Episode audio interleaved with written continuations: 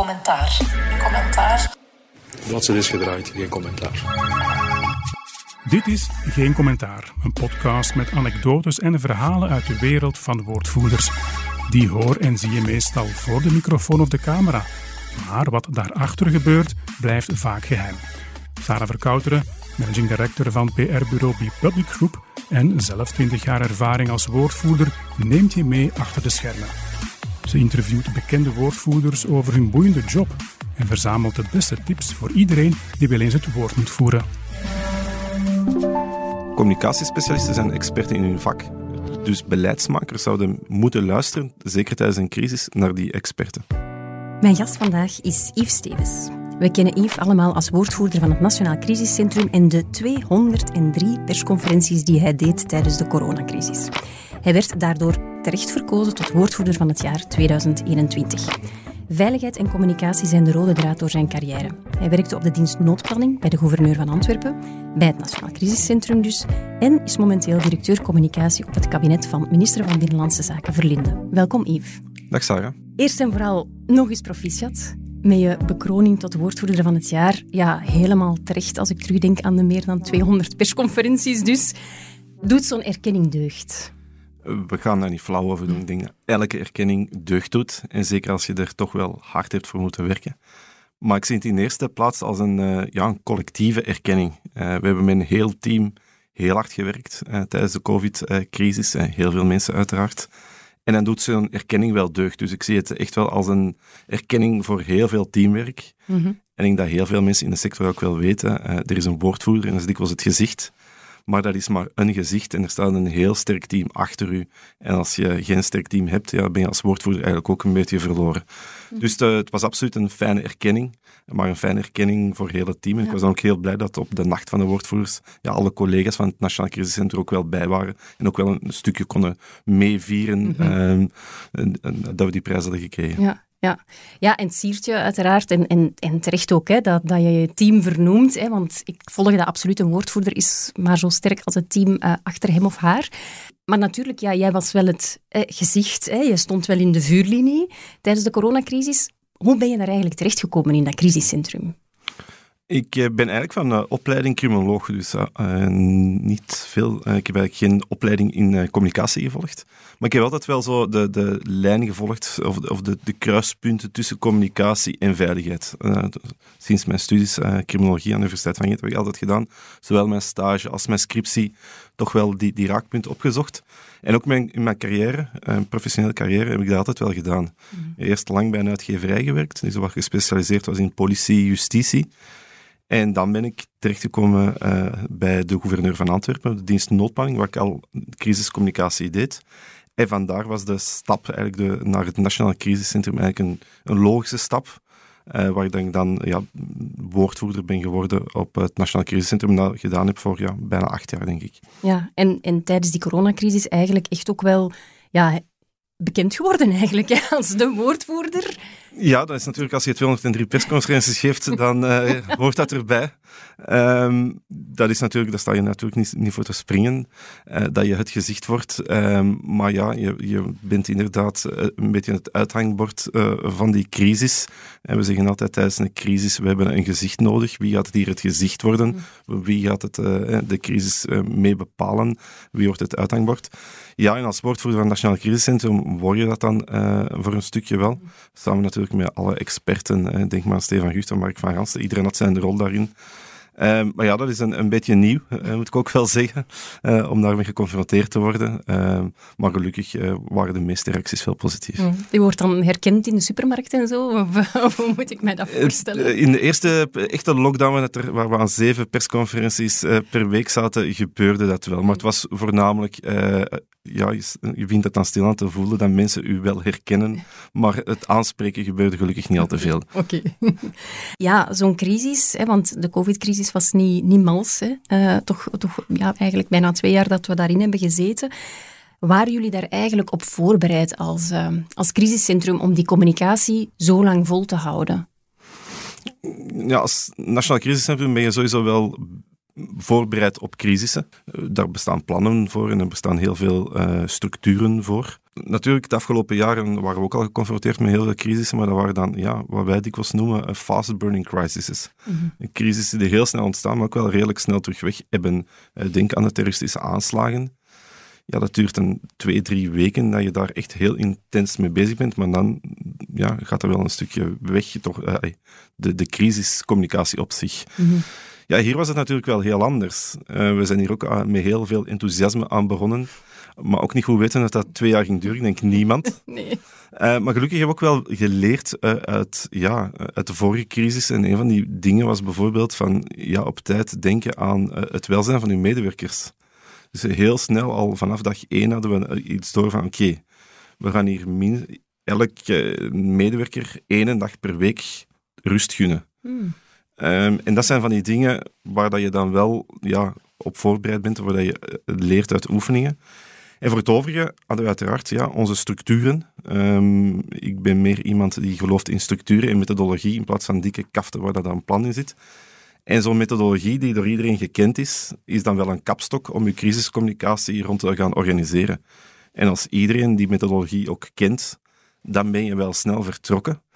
En dan geeft dat ook structuur en een stuk rust in je team. Als mhm. iedereen weet van oké, dat is mijn taak en we werken rond een algemene strategie, een algemene methodologie en dat is mijn taak in die methodologie, weet perfect iedereen van oké, dat is mijn taak. Ehm, we werken als een team en in dat team is dat mijn onderdeeltje. En ik ben dan per toeval het uithangbord, ik ben dan de woordvoerder. Maar ja, even belangrijk is onze analist die is morgens om zes uur begint te monitoren wat er leeft in de kranten of op de sociale media. Maar als je die methodologie hebt, ja, dan geeft dat rust en structuur vooral. Ja. Wat was die methodologie dan? En is die veranderd doorheen die twee jaar crisis? Heb je die moeten bijstellen? Of ja, ik denk dat we uh, constant hebben moeten bijsturen. Hè. Um, het was ook een nieuwe crisis. Een crisis uh, waar dat we ook geconfronteerd werden met ja, motivatie. Er is heel veel gesproken over motivatie. En hoe ga je daar uh, als communicatie mee om? En dat was voor ons ook heel nieuw. Ehm, als het brandt, beseft iedereen, als je communiceert, ramen en deuren sluiten. Oké, we doen dat. Dus mhm. redelijk weinig discussie. we hebben dat gezien met de maatregelen ja, in het begin was er ook weinig discussie. Na verloop van tijd begon dat wel af te bukkelen. Ja. ja, dat zijn van die dingen waar we eigenlijk weinig ervaring mee hadden. Met echt het uh, ja, psychologische, het uh, sociaal-psychologische aspect van communicatie. Gelukkig hebben we daar ook wel um, ondersteuning gekregen van een aantal uh, mensen uit de academische wereld. Dus dat zijn dingen die we en route hebben moeten leren. We hebben nog heel veel moeten uh, bijsturen. Uh, bijvoorbeeld, uh, we hebben de doventolken geïntroduceerd. Um, we hadden daar al wat plannen voor om daar iets mee te doen. Ja, door COVID is allemaal in een stroomversnelling geraakt. Wat maakte dat we eigenlijk ook ja, niet, geen opleiding hadden gehad, eh, te weinig met die mensen hadden gesproken. We hebben die op dag twee geïntroduceerd. Ja, ja dat was een beetje proberen en een beetje testen en een beetje zien van oké, eh, elke keer na een persconferentie brieven van ja, het ging te snel, het, uh, we moeten wachten op de tolken enzovoort enzovoort. Um, ja, er zijn nog heel veel van die kleine dingen die we aan route hebben moeten bijsturen. Hè. Rond visuals hebben we heel veel verbeterd. Bijvoorbeeld meer werken met, met grafische vormgeving. En in ja, dat is het voordeel van dat je een crisis hebt van twee jaar, dat je gedurende die twee jaar wel het een en het ander kan, kan bijsturen natuurlijk. Ja. En zoiets als bijvoorbeeld persconferenties organiseren zonder journalisten, dat was ook vrij nieuw, denk ik. Dat was ook vrij nieuw. Um, dat was ook een beetje uh, proberen en, en, testen. Nu, gelukkig ging allemaal wel uh, technisch uh, vrij vlot.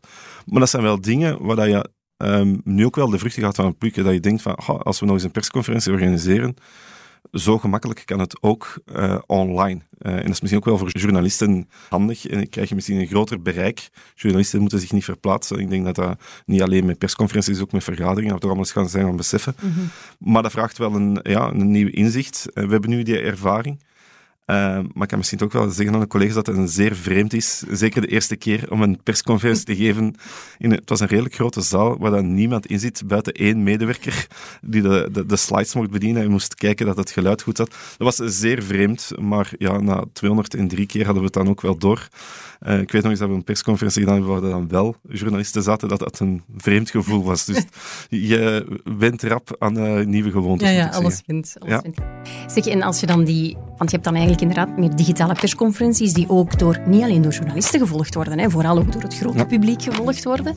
Is er dan bijvoorbeeld, je sprak al over visuals, iets inderdaad, moet je daar dan extra waakzaam voor zijn? Van welke visuals toon je, hoe doe je dat? Ehm, ik denk aan de, ja, uh, de PowerPoint-presentatie van de voormalige premier, waar nogal mee gelachen eh, is geworden. Zijn dat dan dingen inderdaad waar je harder over moet nadenken, omdat gewoon heel het, groot publiek meekijkt? Ja, absoluut. Zeker in de uh, eerste lockdown, waar dat iedereen letterlijk in zijn kot zat, hadden we wel de indruk dat die persconferenties om 11 uur, dat dat voor veel mensen zo'n houvast was. Stefan Gut had ook een, een groot aanzien en werd ook wel als betrouwbaar aanzien. Zoiets van, daar krijgen we de, de, de updates, daar krijgen we ook uitleg over de, de, maatregelen. Dus was het ook wel belangrijk om dat op een redelijk ja, begrijpelijke manier toe te lichten. Ook al waren dat medische termen. Uh, we hebben dan ook heel veel gewerkt met visuals. Um, misschien een kleine anekdote bij een van die visuals. Uh, die we dagelijks gebruikten om de cijfers, om de duur was ook al een begrip, de cijfers, om de cijfers toe te lichten, was het ja, jammer genoeg ook het aantal overlijdens. Ja. Uh, dat werd ook wel met, met een klein uh, visual aangeduid van uh, zoveel mensen in het ziekenhuis, zoveel mensen overleden. En wat bleek dat het, als Stefan Gucht in beeld was, dat het, het tekentje van de personen die overleden zijn, dat dat juist boven hem hing. Dat, dus, dat dat tien minuten in beeld was. Eigenlijk de overlijdens die de tien minuten... ja, ja, dus dat hebben we dan een beetje aangepast, grafisch wat aangepast. is van, ja, van die kleine dingen die je ja, uh, als je 203 persconferenties hebt, kan je het aanpassen en bijsturen. Ja, ja, ja, ja. Ja, moest je op voorhand geweten hebben, Yves, dat dus bij de eerste persconferentie dat je er nog 202 zou moeten doen, zou je eraan begonnen zijn? Ja, ik denk het wel. Uh, het was een ongelooflijke ja, ervaring, een, een ongelooflijke uitdaging ook. En ik denk dat we erin gelukt zijn. Ik heb al een paar keer gezegd, omdat de, de, de teamsfeer er zo groot was. En niet enkel met de mensen van het Nationaal Crisiscentrum, met mijn directe collega's, maar ook met de ja, andere betrokken partners. Ik denk aan FOD Volksgezondheid, Scienzano. Mm Dat waren tijdens de crisis echt wel ja, uh, onze partners die ook op bepaalde momenten uh, fysiek bij ons zaten. Helemaal in het begin, toen er nog min of meer mocht, uh, zaten die ook fysiek bij ons. Ja. En ja, misschien ook een kleine anekdote, was dan wel heel grappig. Dan zaten de woordvoerder van Cienzano, het Nationaal Crisiscentrum, en dat Volksgezondheid eigenlijk aan één in dezelfde tafel. En dan zag je de journalisten gewoon de drie uh, woordvoerders afbellen, natuurlijk niet wetende dat de gsm gewoon op speaker stond en dat andere woordvoerders perfect konden volgen. Dus het uitspelen van de woordvoerders uh, pakte toen absoluut niet. Ja, eh, je zei het zelf al, hè, zo dat teamgevoel is superbelangrijk, ook om het vol te houden. Ik veronderstel dat je aan die periode, ja, hoe, hoe tragisch het ook vaak geweest is, toch ook wel leuke herinneringen hebt overgehouden. Ja, absoluut. Je wordt een hele hechte groep. Dat waren we al op voorhand, maar nu was het toch nog wel meer. Je werkte zes dagen op zeven, hele lange dagen. Dus dat was, eh, ja, werd een stukje familie. We hebben ook wel ja, bijna geleefd als familie, met heel duidelijke afspraken van kijk, ja, om zes uur eten we samen. Punt. Wat er ook gebeurt. Um, geen telefoons, geen vergaderingen. Uh, even tussen zes en ja, afspraak was half zeven, meestal werd er wel niet gehaald. Eventjes bijpraten, uh, wat muziek opzetten, uh, even de deconnecteren. en dat deed wel deugd en was wel nodig. En dat is ook weer dat, dat welzijn. Wat, ehm, zeker als je naar zo'n lange crisis gaat, gaat het niet enkel over rust maar ook even mentale rust en ook even kunnen ventileren. En daar ook ruimte voor eh, vrijmaken. Um, en ook daar oog voor hebben. Als het moeilijk is, oké, dan is het moeilijk. En dan gaan we ons even in een vergaderzaal zitten en we spreken vrij uit. In plaats van het te laten aanmodderen mm voor, voor een aantal dagen, want dan barst dat toch uit. Dus dat is wel heel belangrijk, denk ik. Ja. En voor jezelf ook, af en toe eens gaan sporten. Dus dan voor mij was dat zeer belangrijk om het wat, wat vol te houden. Maar wat je ook wel maakte, is dat jij zo in die, die kokon zat, zijn een kokonwerk, dat je eigenlijk een beetje was, ja, um, dat je geen besef had van het, eigenlijk wat, hoe dat het op dat moment was om gewoon te, thuis te zitten. Um, ik heb ook een, een vrouw en, en twee zoontjes. Ja, af en toe kwam ik thuis om middernacht en dacht ik van, hoe, hoe is de dag hier geweest? En zei hij ook, ja, hel. Uh, dan zeg ik, ja, hoe bedoel je? Ja, ik ben naar de winkel moeten gaan. ik heb daar twee moeten aanschuiven. Zo, ah ja, oké, eh, ja, ik heb dat juist aangekondigd, dat je inderdaad daar rekening mee moet houden. Of ja, ik heb moeten werken en, en met twee zonen die uh, van thuis uit moesten school volgen. Ja, die dingen zijn me volledig ontsnapt. Ja. Wees, wees blij, want dat thuiswerken en dat thuisonderwijs, die combinatie was toch niet Ja, ik heb, aan het, te ik, raden. heb het, ik heb het van horen zeggen. Ja, ja, je zei het zelf al, hè, je hebt eigenlijk heel veel maatregelen ja, moeten communiceren, moeten uitleggen. Ja, soms zaten daar ook eh, regeltjes bij waar heel veel mee gelachen werd. Ik herinner mij bijvoorbeeld zelf iets over ehm, dat je dan alleen maar aan het raam in de trein mocht zitten. Er was ook iets met bankjes, er was iets met niet naar het toilet mogen gaan als je bij vrienden op bezoek was. Allee, heel veel memes, heel veel gelach. Ja. Ja, hoe, hoe ga je daarmee om? En ja, natuurlijk konden wij er wel mee lachen zelf, eh, maar we hadden wel zoiets van, hoe gaan we dat hier communiceren? dat, dat was het... eh, dat was veel moeilijker.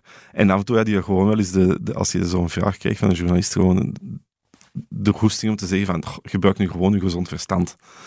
En daar kwam het eigenlijk op neer. En ik had wel de indruk dat het de meeste mensen dat ook wel zo interpreteerden. En, en niet de, de uitzonderingen op de uitzonderingen gingen opzoeken om het dan in het ridicule te gaan trekken, maar gewoon zoiets hadden van, ja, gebruik nu gewoon je gezond verstand en we komen er wel uit. Eh, maar natuurlijk ja, eh, is er beslist om dat allemaal in maatregelen te gaan, te gaan gieten. En dan kom je ja, automatisch tot van die af en toe ridicule eh, maatregelen. En dan moet je die af en toe gaan proberen uit te leggen. Wat niet altijd even evident is. Een uitdaging was. ja. Zijn er zo ja, de, de meest absurde vragen die je kreeg, zijn die bijgebleven?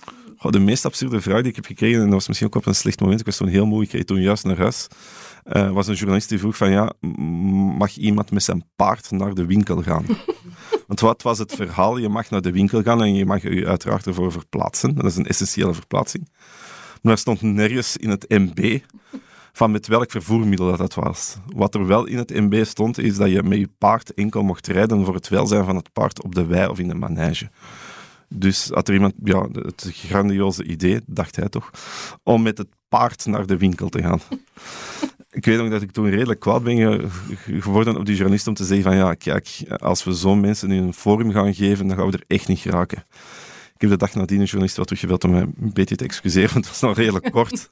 Maar vooral bij ons op eh, het team dat de sociale media monitoren en ook antwoorden. En Op op bepaalde momenten waren dat tot 6000 vragen die hebben wel heel veel vragen gehad die in onze ogen, want ik heb er altijd wel eh, een, een, een opmerking bij gemaakt van ja, in onze ogen is dat misschien een ridicule vraag, maar voor die mensen is dat misschien wel een heel belangrijke vraag. Eh, Ik bedoel, ja, als uw konijn effectief aan de andere kant eh, van de wei zit en hij is in Nederland en jij woont in België, maar je mag de grens niet over, mag je je konijn aan eten gaan geven, ja of nee? Voor ons lijkt dat heel ridicul, maar als je echt gehecht bent aan dat konijn, moet je daar ook op een respectvolle manier die vraag trachten te beantwoorden. Maar af en toe hadden we wel inderdaad de indruk van, ja, is dit nu een ernstige vraag of zijn ze ons hier aan het testen? Dat veel met dieren te maken, heb ik dus ook de indruk. Eh, Heel veel dieren, ja. Dat is, eh, ja, dat is sowieso een, een, in crisiscommunicatie echt wel een aandachtspunt. En daar moet je echt wel rekening mee houden. En ehm, ook als je bijvoorbeeld gaat zeggen van ja, je moet evacueren of je moet schuilen, hou ook rekening met eh, de dieren, want eh, mensen zijn geneigd om niet te gaan evacueren als hun hond of kat niet mee mag. Eh, dus dat is echt wel een, een zeer belangrijk aandachtspunt. Eh, als er wordt gecommuniceerd over de volksgezondheid, van ook eh, de huisdieren, De huisdieren niet menen. Absoluut. Oké. Ja, twee jaar zijn voorbij. Ik kan me voorstellen dat er een aantal dingen goed gelopen zijn. Ik denk dat iedereen dat ook effectief kan, kan zeggen. Hè? Dat die communicatie heel goed gebeurde, transparant gebeurde. Maar dat er ook wel lessen zijn getrokken. Dat bepaalde dingen toch frustrerend waren of niet goed liepen. Ja, zijn er, zijn er bepaalde lessen die dat je effectief getrokken hebt? Goh, er zijn heel, heel veel lessen. Hè. Hele kleine, hele grote, heel praktische.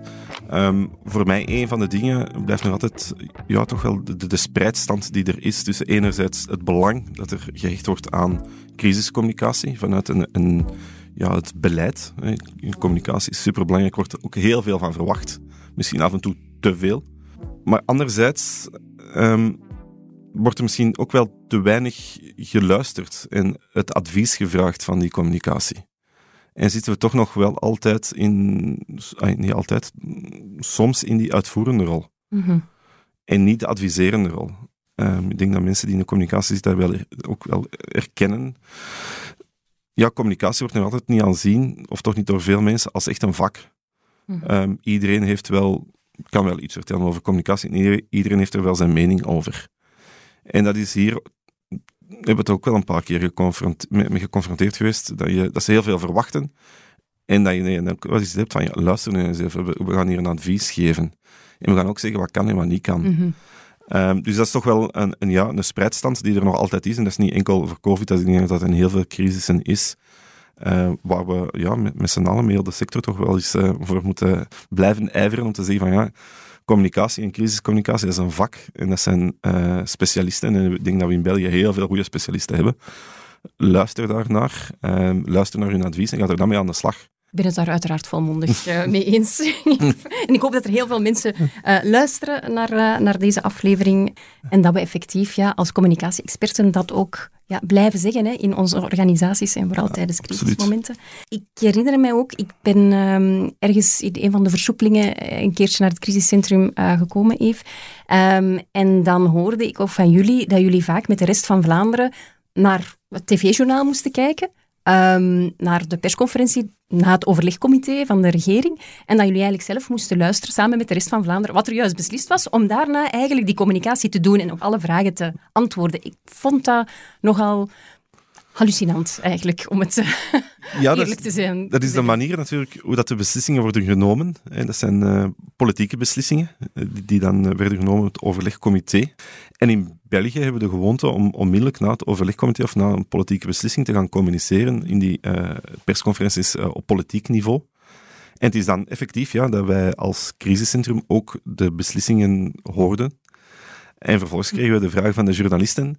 Eh, nu, dat is ook iets wat je leert en route door eh, twee jaar eh, in die crisis te zitten. In het begin probeerde je dan effectief al te antwoorden op de vragen.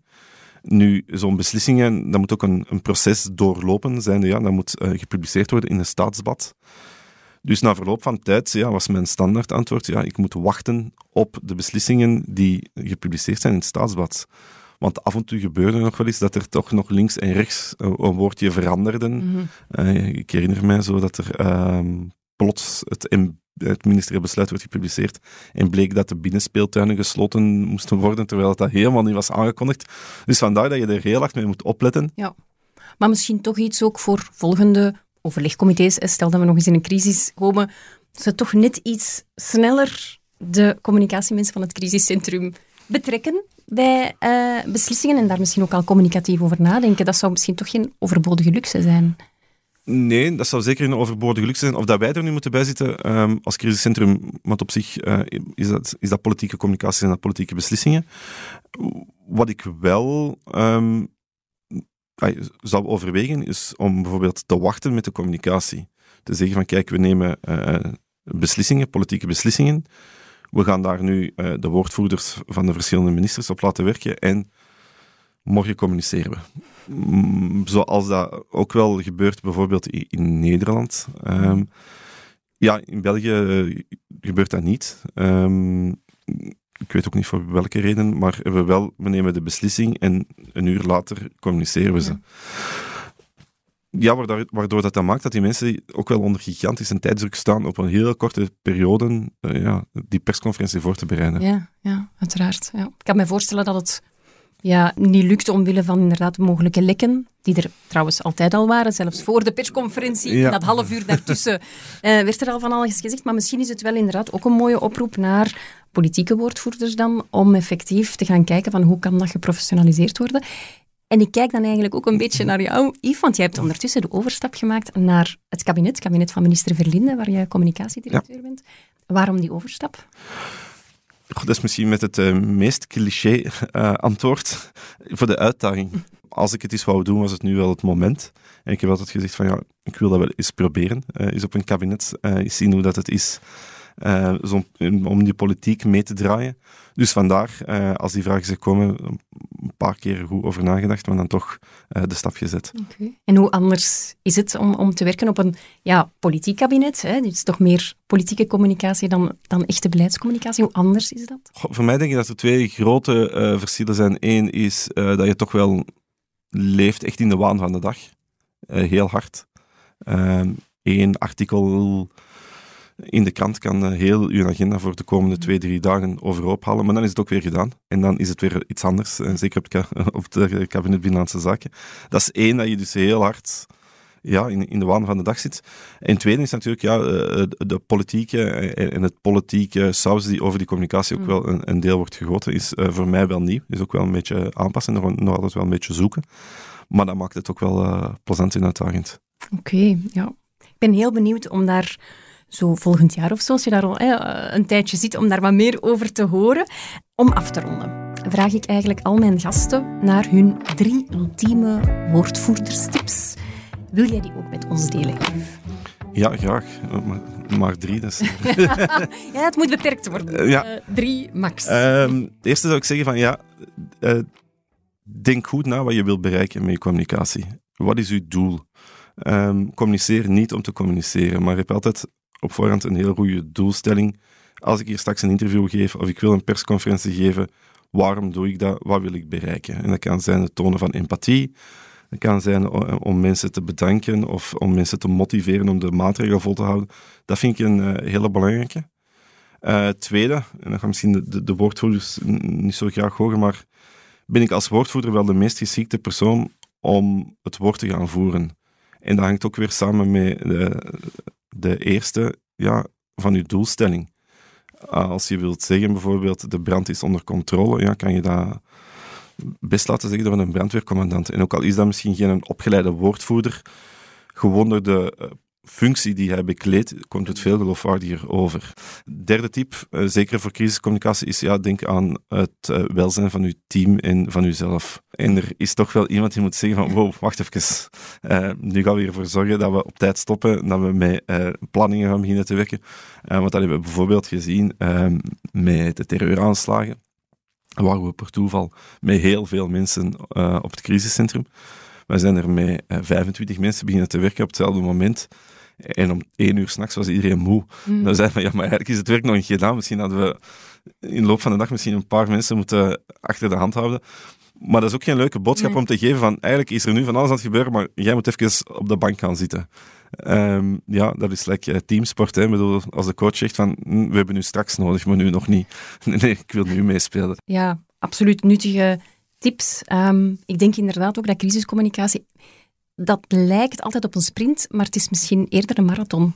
En dus ga je je op een andere manier moeten voorbereiden. Dus uh, nee, heel, heel nuttige tips, Yves. Ik onthoud uit dit gesprek dat je expert bent in het geven van persconferenties zonder journalisten. Dat je om 18 uur altijd een moment voorzag om te eten met je team. En dat je alles weet over met paarden naar de winkel gaan. Absoluut. Bedankt voor dit gesprek. Graag gedaan. Dit was Geen Commentaar, een podcast met anekdotes en verhalen uit de wereld van de woordvoerders. Benieuwd naar meer? Lees het boek Geen Commentaar van Sarah Verkouteren, uitgegeven door Pelkmans. Of ontdek meer tips over communicatie en PR op bepublicgroup.be.